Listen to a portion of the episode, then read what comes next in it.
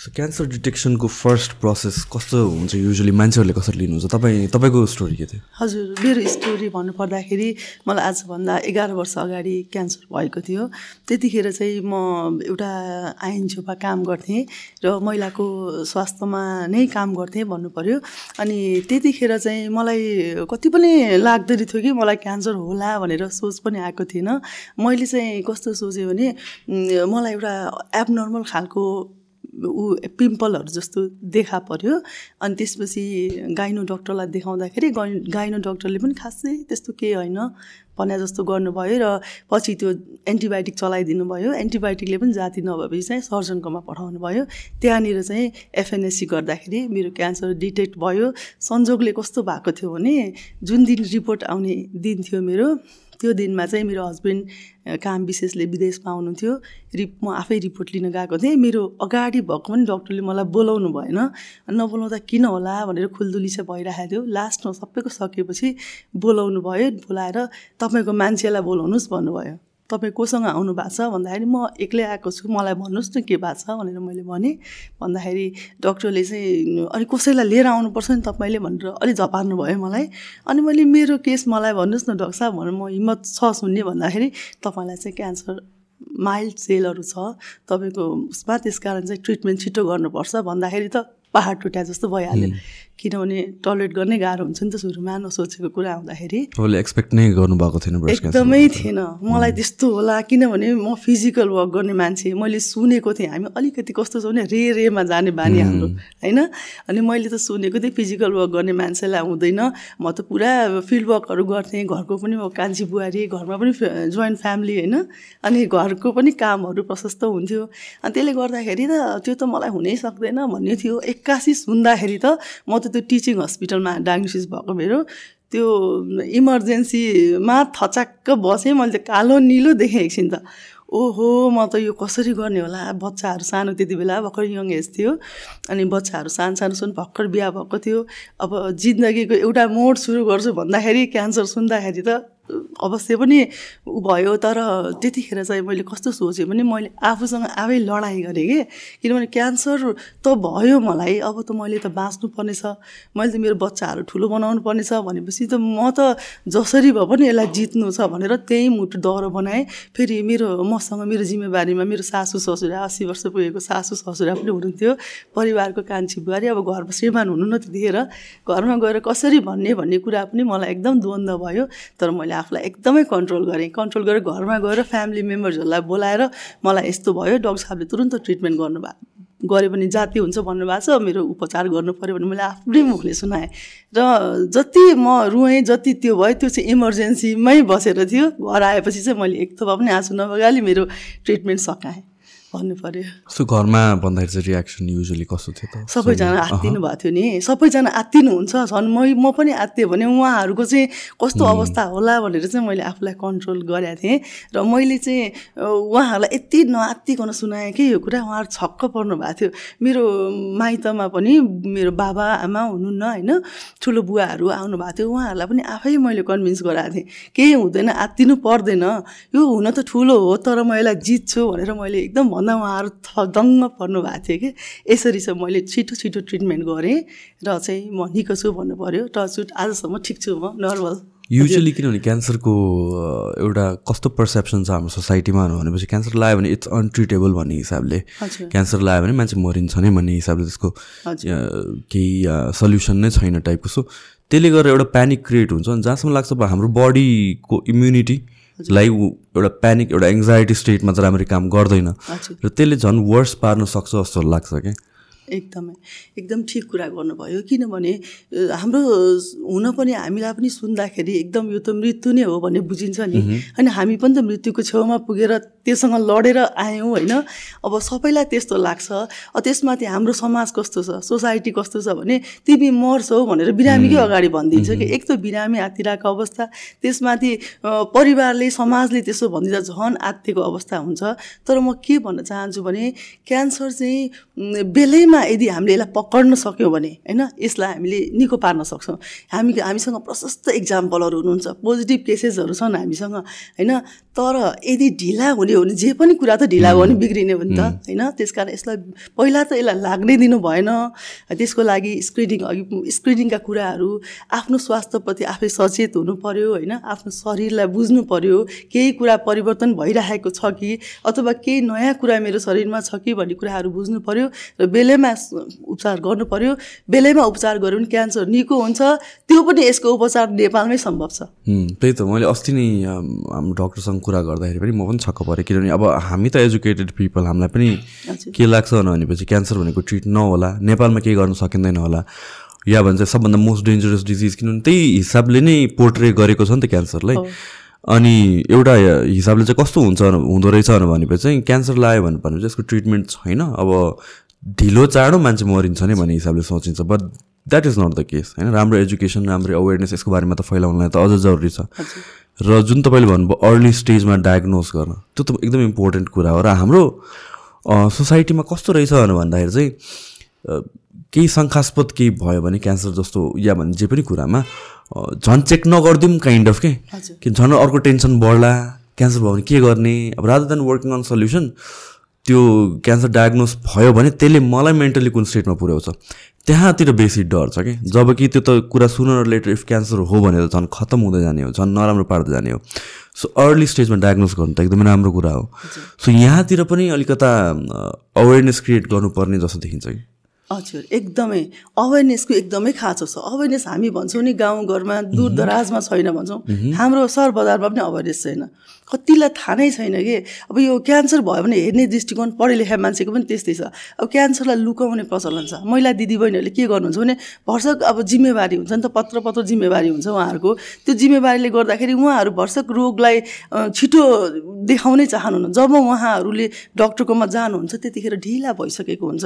यो रोग चाहिँ कस्तो छ भने स्टेज वान मात्र होइन टू थ्री पनि बाँचेको छ। हामीसँग स्टेज फोर्थको क्यान्सरको दिदीबहिनीहरू दाजुभाइ भएर भनौँ न पन्ध्रौँ सोह्र वर्ष बाँच बाँचेको केसहरू छ भने अर्ली डिटेक्सन त एकदमै राम्रो हो होइन?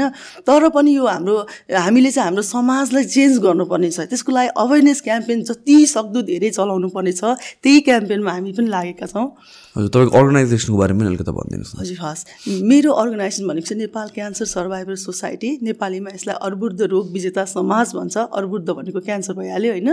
र यो चाहिँ हुन त नेपालमा क्यान्सरमा काम गर्ने धेरै सङ्घ संस्थाहरू हुनुहुन्छ उहाँले धेरै राम्रो कामहरू गर्नुभएको छ। तर भुक्तभोगीहरूले जसले यसलाई बेहोरेर आएका छन् जसले यसबाट निस्केर आएका छन् जितेर आएका छन् उहाँहरूलाई विजेता भन्छौँ हामी। र उहाँहरूको यो संस्था चाहिँ नेपाल क्यान्सर सर्भाइभर सोसाइटी हो। र यो सोसाइटीको स्थापना कसरी भयो त भन्ने भन्नुभन्दा पनि मैले यसलाई प्रोत्साहन गर्ने चाहिँ हाम्रो अग्रज हुनुहुन्छ सिद्धिचन्द दिजु। उहाँको नाम मैले कहिले पनि बिर्सिनु हुँदैन। उहाँ चाहिँ हाम्रो प्रेरणाको स्रोत हो। उहाँ स्टेज फोर्थ क्यान्सर हुनुहुन्थ्यो ब्रेस्ट क्यान्सर। उहाँले हामीलाई यति हौसला दिनुहुन्थ्यो यति हौसला दिनुहुन्थ्यो। तिमीहरू नहात न म स्टेज फोर्थ क्यान्सर त यस्तोसँग बाँचेछु। उहाँलाई हेर्दाखेरि हामीलाई यस्तो हौसला हुन्थ्यो कि ओहो बाँचिने रहेछ। मैले त उहाँलाई भेटेको मेरो किमोथेरापी दिँदाखेरि नै भेटेको हो। त्यतिखेर म विक पनि थिएँ होइन। अब मेरो म कस्तो थियो भने लामो कपाल थियो मेरो होइन मोटो कपाल थियो। अब त्यो कपाल किमोले गर्दा काट्दै काट्दै यत्रो बनाएको अवस्था। अनि त्यसपछि अब त्यो त्यही पनि झर्छ भन्ने पिर अब हुन्छ नि त। महिलाको सबभन्दा ठुलो कुरा भनेको ब्रेस्ट पनि हो र कपाल पनि हो नि त। मेरो सासुमाले त्यही कपाल हेरेर त्यो बेलामा त आफै होइन उहाँले नै मलाई ऊ सेलेक्ट गर्नुभएको थियो भनेपछि त्यही कपाल मेरो जाँदै थियो। त्यति बेलामा मैले उहाँलाई भेटेँ। उहाँले मलाई यति हौसला दिनुभयो केही पनि हुँदैन। हेर त म त बाँचेछु तिमी त भर्खर सुरुवात भएको। भनेर यसरी चाहिँ हौसला दिने मान्छेले गर्दाखेरि चाहिँ आज उहाँको हौसलाले यो संस्था खुल्यो हाम्रो भनौँ न। अनि यो संस्था खोलेर हामीले चाहिँ एउटा सानो प्राइभेट हस्पिटल मतलब भनौँ न प्रतिष्ठित प्राइभेट हस्पिटलमा हामी काम गर्थ्यौँ। पछि हामीले सोच्यौँ ओहो हामी त सबै नेपाली जनताको आवाज भन्नुपर्छ होइन? उहाँहरूको उहाँहरूसँग हामीले उहाँहरूलाई अवेर गर्नुपर्छ भनेर चाहिँ हामी त्यहाँबाट निस्केर यो संस्थाको स्थापना भएको हो खासमा। ओके सो यो यो क्यान्सर लाग्दाखेरि जुन ट्रिटमेन्ट प्रोसेस हुन्छ त्यसमा अब फिजिकल पार्ट्सहरू कस्तो हुन्छ? I mean like in terms of जुन मेडिकेसनले कसरी एफेक्ट गर्छ र क्यान्सर इट सेल्फले कसरी एफेक्ट गर्छ डे टु डे लाइफमा हजुर धेरै नै असर पार्छ किनभने शरीरलाई धेरै नै गलाउँछ। यो केमो भनेर यस्तरी गलाउँछ यसको साइड इफेक्टहरू हामीले धेरै बेहोर्नु पर्या हुन्छ। लाइफ टाइमै हामी मेडिसिनको पछाडि जस्तो यसपछि कसैलाई सुगर भइरहेको हुन्छ कसैलाई प्रेसर भइरहेको हुन्छ कसैलाई सुगर प्रेसर सबै हुन्छ कसैलाई थाइरोइड देखिन्छ यो सबै उपहार हो कि हामीले क्यान्सरबाट पाएको। त्यस कारण हामी डराउँदैनौँ किनभने मृत्युलाई पनि देखेर फर्किसकेको मान्छे यी सानातिना कुराहरूबाट त डराउने कुरै भएन होइन? त्यसले गर्दा हामी अरू अरू जसलाई क्यान्सर भएको छैन। उहाँलाई पनि हौसला दिनु ए हामी त यत्रो यत्रो कुरा बेहोरेर त हामी यस्तो नर्मल तिमीहरू भन्दा पनि नर्मल लाइफ बिताइरहेछ भने तपाईँहरू किन हात्तिनुहुन्छ जहाँ थाइरोइड हुँदा हल्लिरहेको हुन्छन् कि डराएर त्यस्तो नगर्नु भनेर उहाँहरूलाई हामी हौसला दिन्छौँ। अवश्य पनि यसले हाम्रो शरीरलाई गले गला गालेको हुन्छ। त्यतिखेर एक त मेन्टल्ली पनि स्ट्रेस भइरहेको हुन्छ। मानसिक स्वास्थ्य एउटा क्यान्सर बिरामीको मानसिक स्वास्थ्य कस्तो छ भन्ने कुरा डक्टरहरूले त मान डिजिजको उपचार गर्नुहुन्छ। तर मान्छेको उपचार कसले गर्ने? एउटा क्यान्सर सर्भाइभरको लाइफ तब सुरु हुन्छ जब उसको ट्रिटमेन्ट सकिन्छ। हामी भन्छौँ नि ट्रिटमेन्ट भइसकेपछि स भइसक्यो होइन। त्यस पछाडि उसले समाजमा कसरी आफूलाई स्थापित गर्ने होइन? अब कोही अफिसमा काम गर्नुहुन्छ नि त्यहाँ रेगुलारिटी कसरी रेगुलर जाने कसरी नर्मल लाइफ बिताउने यो कुराले पिरोलिरहेको हुन्छ कि? अनि त्यतिखेर हौसला र ढाडसको ठुलो आवश्यकता हुन्छ। जस्तो मेरै कुरा गर्नुपर्दा पनि म रिसर्चको काम गर्थेँ होइन? मेरो ट्रिटमेन्ट सकिसकेपछि म आफूलाई यति स्ट्रङ बनाएर हिँडिरहेको थिएँ कि? म त सक्छु सक्छु भनेर हिँडिरहेको थिएँ। अनि मैले छट्टै एउटा प्रोजेक्ट पाएँ। त्यो प्रोजेक्ट पाउँदाखेरि मलाई कस्तो फिल भयो भर्खर मेरो ट्रिटमेन्ट सकेर आएको छु। त्यो प्रोजेक्टमा काम गर्दाखेरि उहाँ मिटिङको क्रममा उहाँहरूले भनेको कुरै बुझ्दिनँ म। ओ के होला यो? के भन्या होला? भने जस्तो। अनि मैले बुझाएको पनि मैले बुझाउन नसकेको हो कि कन्फिडेन्ट लुज भएको कि? एकदमै त्यस्तो अवस्था हुन्छ। त्यसबाट पार गर्नलाई चाहिँ मेडिकेसन मेडिटेसन भन्छ नि ध्यान योगाले पनि ठुलो काम गर्दो रहेछ। म त एकदमै आत्य। ओहो म त त्यस्तो मान्छे नै होइन। म के हुँदैछु? बाटो काट्न लायो बाइकको चक्का आएर आफैले माथि पसि मतलब छेउमा पसिसकेको हुन्छ। त्यो एकजनाको हात समात्नु पर्ने हुन्छ। त्यति विक बनाएको हुन्छ। हुन्छ कि? त्यसबाट निस्किनलाई फाइट गर्नलाई पो समय लाग्छ त हामीलाई। क्यान्सरबाट त हामीले उपचारपछि जित्छौँ। सो यो त्यो रिजल्ट अफ जुन त्यो प्रोसेसको कारणले हो कि त्यो मेडिकेसनको कारणले हो कि जुन यो तपाईँलाई भनौँ भने रिकभरी पिरियडमा अलिक गाह्रो हुने या कन्फिडेन्स नहुने। हजुर यो दुइटै कारण हो। एउटा मेडिके मेडिटेसन कारण मेडिकेसनको कारणले पनि हो किनभने त्यसले यस्तो कडा हो नि त यो त। एउटा बिख हाल्यो हो नि त शरीरमा। बिख हालेर नराम्रो सेल मार्यो हो नि यो नराम्रो सेल मार्दा राम्रो सेल पनि मऱ्यो नि त हाम्रो। होइन जस्तो हाम्रो इम्युनिटी पावरै कम भयो नि त्यो कम भयो। अब त्यसलाई ल्याउन त हामीले त्यो त जबरजस्ती अलिकति त हाम्रो फोर्स पनि हो। हाम्रो आत्मबल हो कि अलिकति? हाम्रो आत्मबल हाम्रो पोजिटिभ थिङ्किङ हाम्रो फ्यामिलीको सपोर्ट हाम्रो सोसाइटीको सपोर्ट कस्तो छ? त्यसले चाहिँ रोल खेल्छ कि यसमा?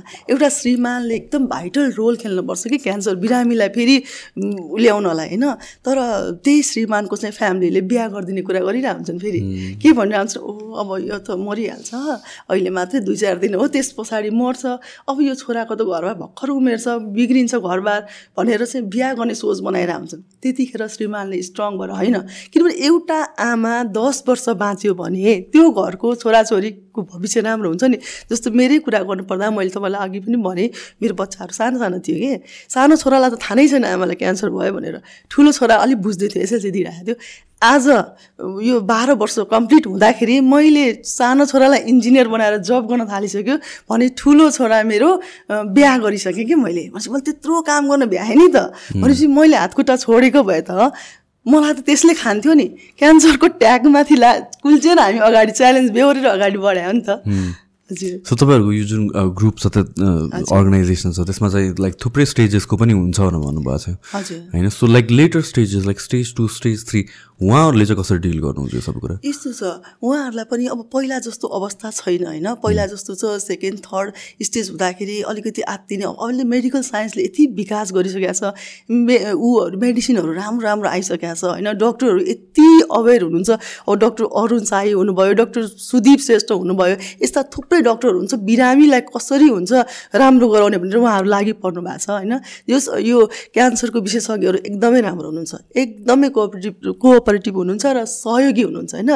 अनि त्यसले गर्दाखेरि उहाँहरूलाई हौसला उहाँहरूलाई के भइरहेछ के प्रब्लम भइरहेछ त्यो कुरालाई उहाँहरूले बोलाउनुहुन्छ बेला बेलामा भेट्नुहुन्छ यस्तो गर्नुपर्छ है भन्नुहुन्छ केही हुँदैन। अब हाम्रो ग्रुपले के गर्छौँ भन्दाखेरि उहाँहरूलाई उहाँहरू जस्तै केसहरू जस्तो हामीले चाहिँ बेला बेलामा सर्भाइभर मिटहरू गरिरहेका हुन्छौँ होइन?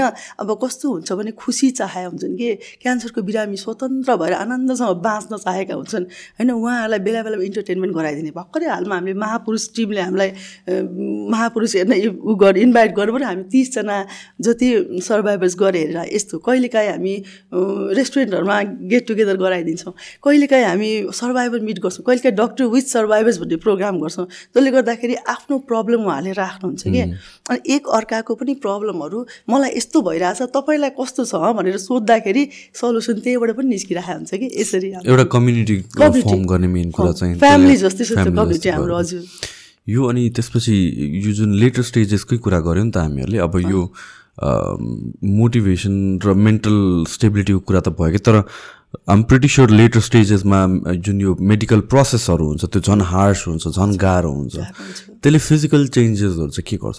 एकदमै गाह्रो हुन्छ होइन? अब कति डिप्रेस भइरहनु भएको हुन्छ होइन? साथीहरू अब जिउ हामीले कस्तो छ भने हामीले के गर्छौँ भोलि नै नराम्रो हुने कुनै मर्ने केस छ भने पनि आज नराम्रो भन्दैनौँ कि हामीले। राम्रो किन त्यो मोटिभेट हो नि त। र उहाँहरूले पनि आफूलाई चाहिँ तयार गरिरहनु सक्नु भएको हुन्छ नि होइन। तर उहाँहरूलाई चाहिँ डक्टरहरूले ट्रिटमेन्ट यसरी गर्नुभएको छ लम्बाउने हुन्छ नि। मतलब आयुलाई लम्बाउने धेरै औषधि मेडिसिनहरू छन् कि अहिले। त्यसले गर्दाखेरि अब क्यान्सरलाई इजी सुरुमा मात्रै गा सुन्ने बेलामा मात्रै गाह्रो हुने हो कि हामीलाई।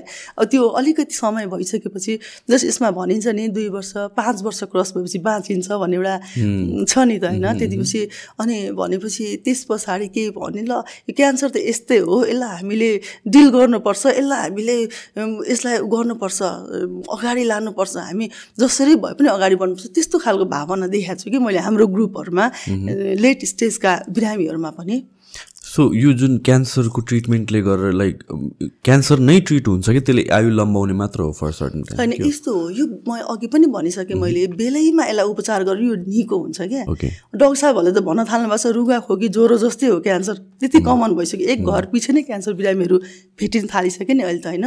तर ढिला भयो भने त फेरि पनि त्यही हो नि त। ढिला भयो भने आयु लम्बाउने काम गर्न सकिन्छ होइन? तर अर्ली स्टेजमा भयो भने चाहिँ यो निको हुन्छ। पूर्ण रूपमा त्यस्तो धेरै इक्जाम्पलहरू छन् हाम्रो ग्रुपमा। सो क्यान्सरको ट्रिटमेन्टमा प्रोसेस कस्तो थियो तपाईँको केसमा चाहिँ? मेरो केसमा यो युजली चाहिँ कस्तो हुन्छ तिनवटा हुन्छ यसको प्रोसेस एउटा चाहिँ किमोथेरापी हुन्छ एउटा रेडिसन हुन्छ र एउटा सर्जरी सुरुमा। अब सुरुमा चाहिँ कसैको ट्युमर ठुलो छ भने चाहिँ त्यो ट्युमरलाई सुकाएर होइन रेडिसन दिएर अनि मात्रै सर्जरी गरिन्छ क्या किमो दिएर अनि मात्रै सर्जरी गरिन्छ। मेरो केसमा चाहिँ पहिला सर्जरी मेरो सानो थियो ट्युमर। पहिला सर्जरी गरियो त्यसपछि रेडिएसन गरियो र त्यस पछाडि किमो गरियो त्यसपछि लास्टमा रेडिएसन गरियो। ओके सो यो रेडिएसन गर्दा चाहिँ फिजिकली केही दुख्ने पोल्ने त्यस्तो के हुन्छ कि? यस्तो हुन्छ। त्यो जुन टार्गेट गरे हुन्छ कि कुन कुन एरियामा रेडिएसन दिने भनेर पहिला नै एउटा उको प्लान गरिसकेका हुन्छ त्यो अनुसारले गरिन्छ। ब्रेस्टको केसमा चाहिँ त्यसको वरिपरिको भागमा चाहिँ कालो जस्तो देखिन्छ कसै कसैले पोल्यो पनि भन्नुहुन्छ पोल्छ पनि भन्नुहुन्छ त्यसका त्यसको लागि लिक्विड केही मलमहरू दिइएको हुन्छ। तर त्यतिखेर पनि हामीले ध्यान दिनुपर्ने कुराहरू के हुन्छ भने हामीले लुज लुगाहरू लगाउने पानीहरू धेरै खाने झोलिलो कुराहरू धेरै खाने यस्तोहरू गऱ्यो भने खासै केही फरक पर्दैन। मेरो कुरा गर्दा त मेरो त यहाँ ऊ थियो नि त के अरे यहाँ मेसिनहरू बिग्रेको यस्तो कारणले गर्दा मैले राजीव गान्धीमा गएर रेडिएसन चाहिँ त्यहाँ गएर दिनु पऱ्यो त्यतिखेर म त पुरा दिल्ली डुल्या हो नि त। पन्ध्र मिनट रेडिएसन दियो बाँकी सबै घुम्यो। मलाई केही फिलै भएको थिएन।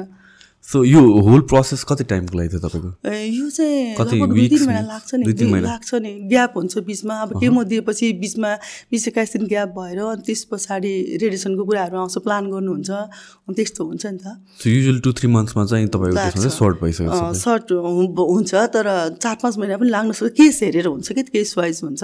कसै अब नर्मल्ली त्यस्तो हुन्छ। कसैको अलिक टाइम पनि लाग्न सक्छ। त्यस्तो चाहिँ आउँछ। सो अनि तपाईँको यो प्रोसेस सकिसकेपछि फेरि स्क्रिनिङ हुन्छ छ कि छैन हजुर हुन्छ। यो चाहिँ डक्टरहरूले कस्तो गर्नुहुन्छ भने पहिला चाहिँ तिन तिन महिनामा फलोअप बोलाउनुहुन्छ।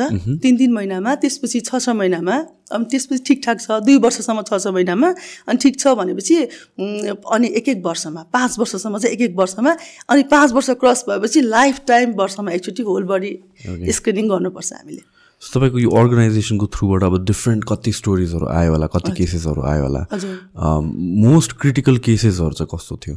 हाम्रो सोसाइटीमा।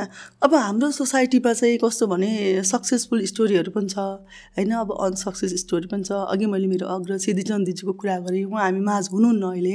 त्यत्रो हौसला दिनुभयो त्यत्रो संस्था खोला खोल्यौँ उहाँको उसमा होइन? हामी त्यत्रो संस्थालाई अगाडि बढायौँ। अहिले उहाँ हामी माझ हुनुहुन्न। उहाँ स्टेज फोर्थ थियो। उहाँ यति इनर्जेटिक हुन्थ्यो म ठिक हुन्छु म ठिक हुन्छु भन्दा भन्दा उहाँलाई लास्टमा गएर रिल्याप्स भयो होइन?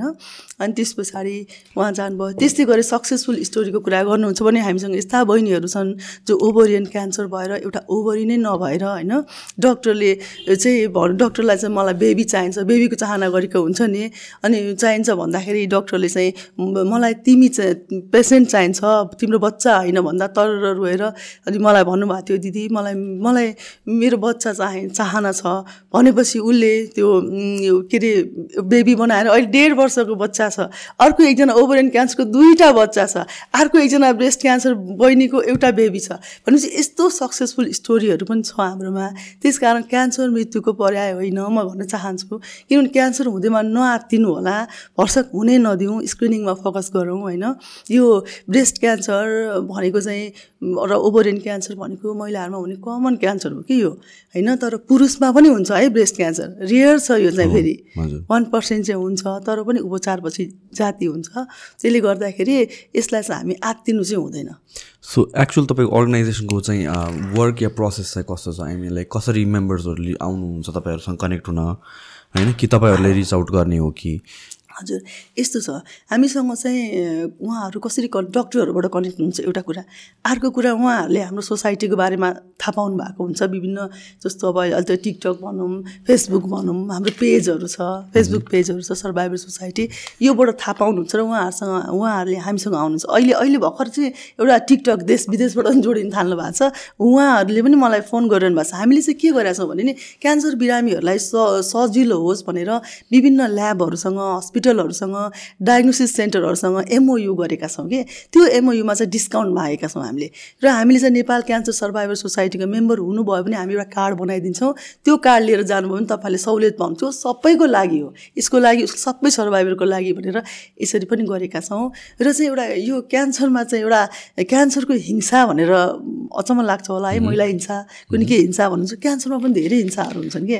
जस्तो फ्यामिलीले दिने जस्तो केमो दिन जानु भए हुन्छ केमो दिन जान्छ यो आज दुई तिन दिन चाहिँ यसले काम गर्न सक्दैन भनेर घरको लुगा सुगा सबै धुलाएर पठाउने कि त्यो बिरामीलाई। ट्रिटमेन्ट भइरहेको बेलामा हेर्नु न त्यो खालको केसेसहरू छ। कसैको हस्बेन्ड भागिदिने भोलि भोलि चाहिँ किमो छ आज छैन। दिदी मेरो त भोलि किमो छ मसँग पैसा पनि छैन।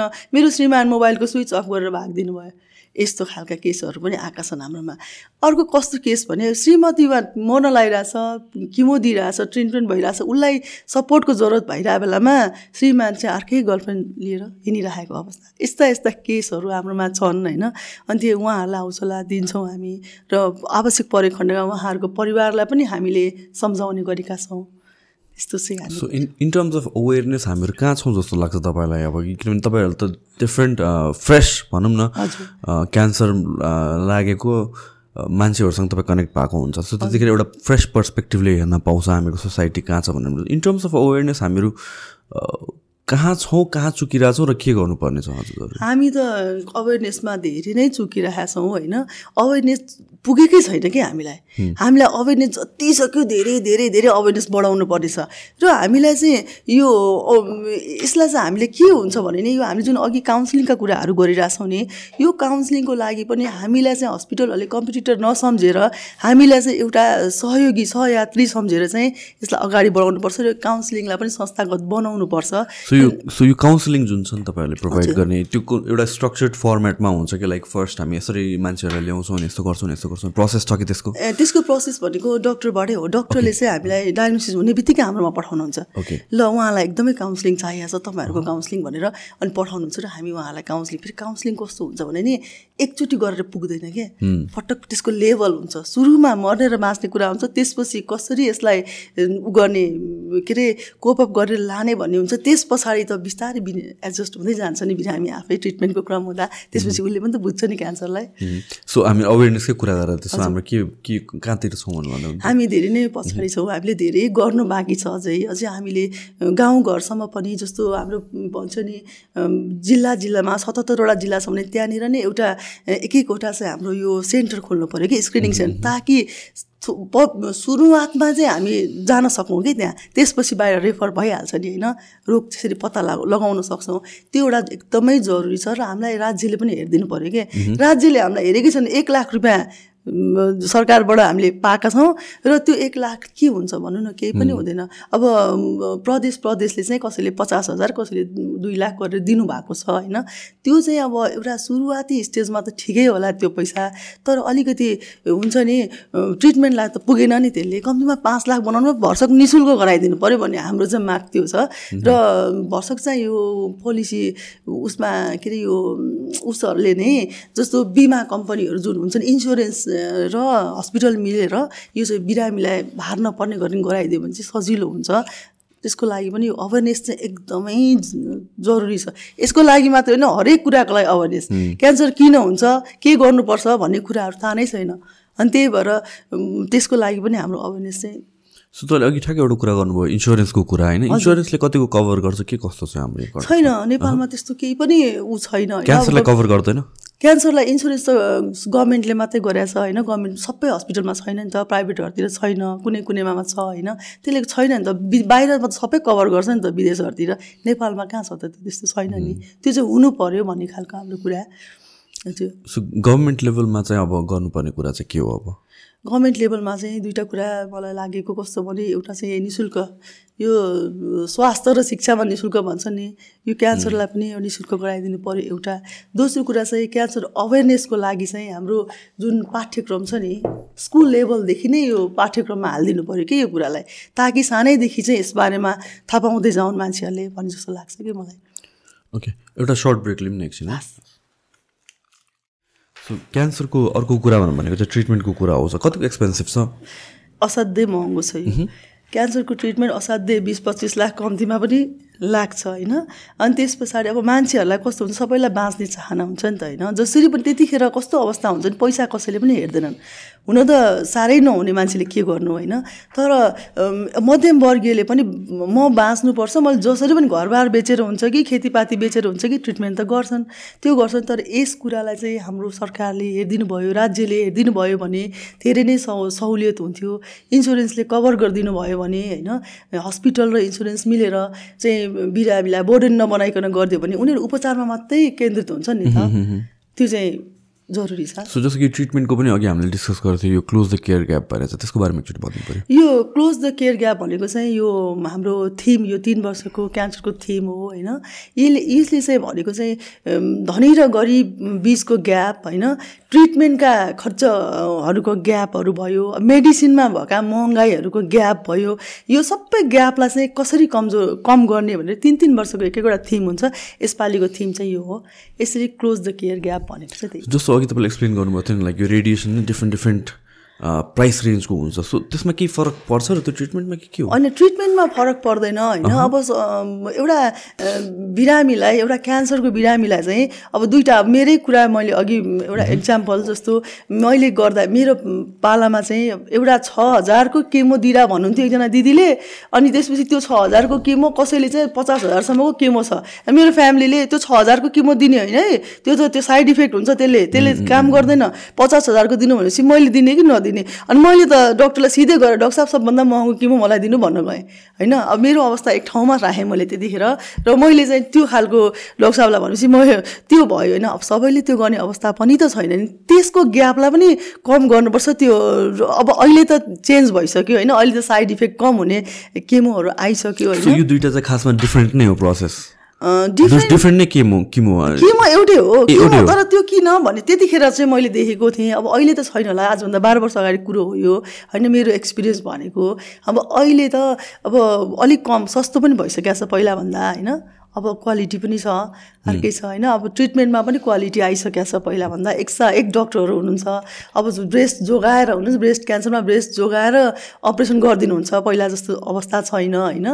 धेरै राम्रो डक्टरहरू हुन्छ र डक्टरहरूको त एकदमै राम्रो रोल छ क्या यो अन्कोलोजिस्ट डक्टरहरूको। सो एउटा त यो होल क्यान्सरबाट कसरी सर्भाइभ गर्ने भन्ने कुरा छ होइन? वान्स सर्भाइभ भइसकेपछि ब्याक टु द सोसाइटीमा जाँदा पनि स्टिग्माहरू होला कति एसोसिएटेड एकदमै। एकदमै छ। मैले कसरी चाहिँ यो समाजमा आफ्नो मुख देखाउने मलाई त यस्तो भयो मलाई के भन्छन् होला? होइन मेरो फ्यामिलीले के भन्छ होला? मलाई मेरो साथीभाइले के भन्छ होला? किनभने सबैलाई त्यो कुरा अब क्यान्सर भन्ने चाहिँ ठुलो ट्याग हो नि धब्बा हो नि त।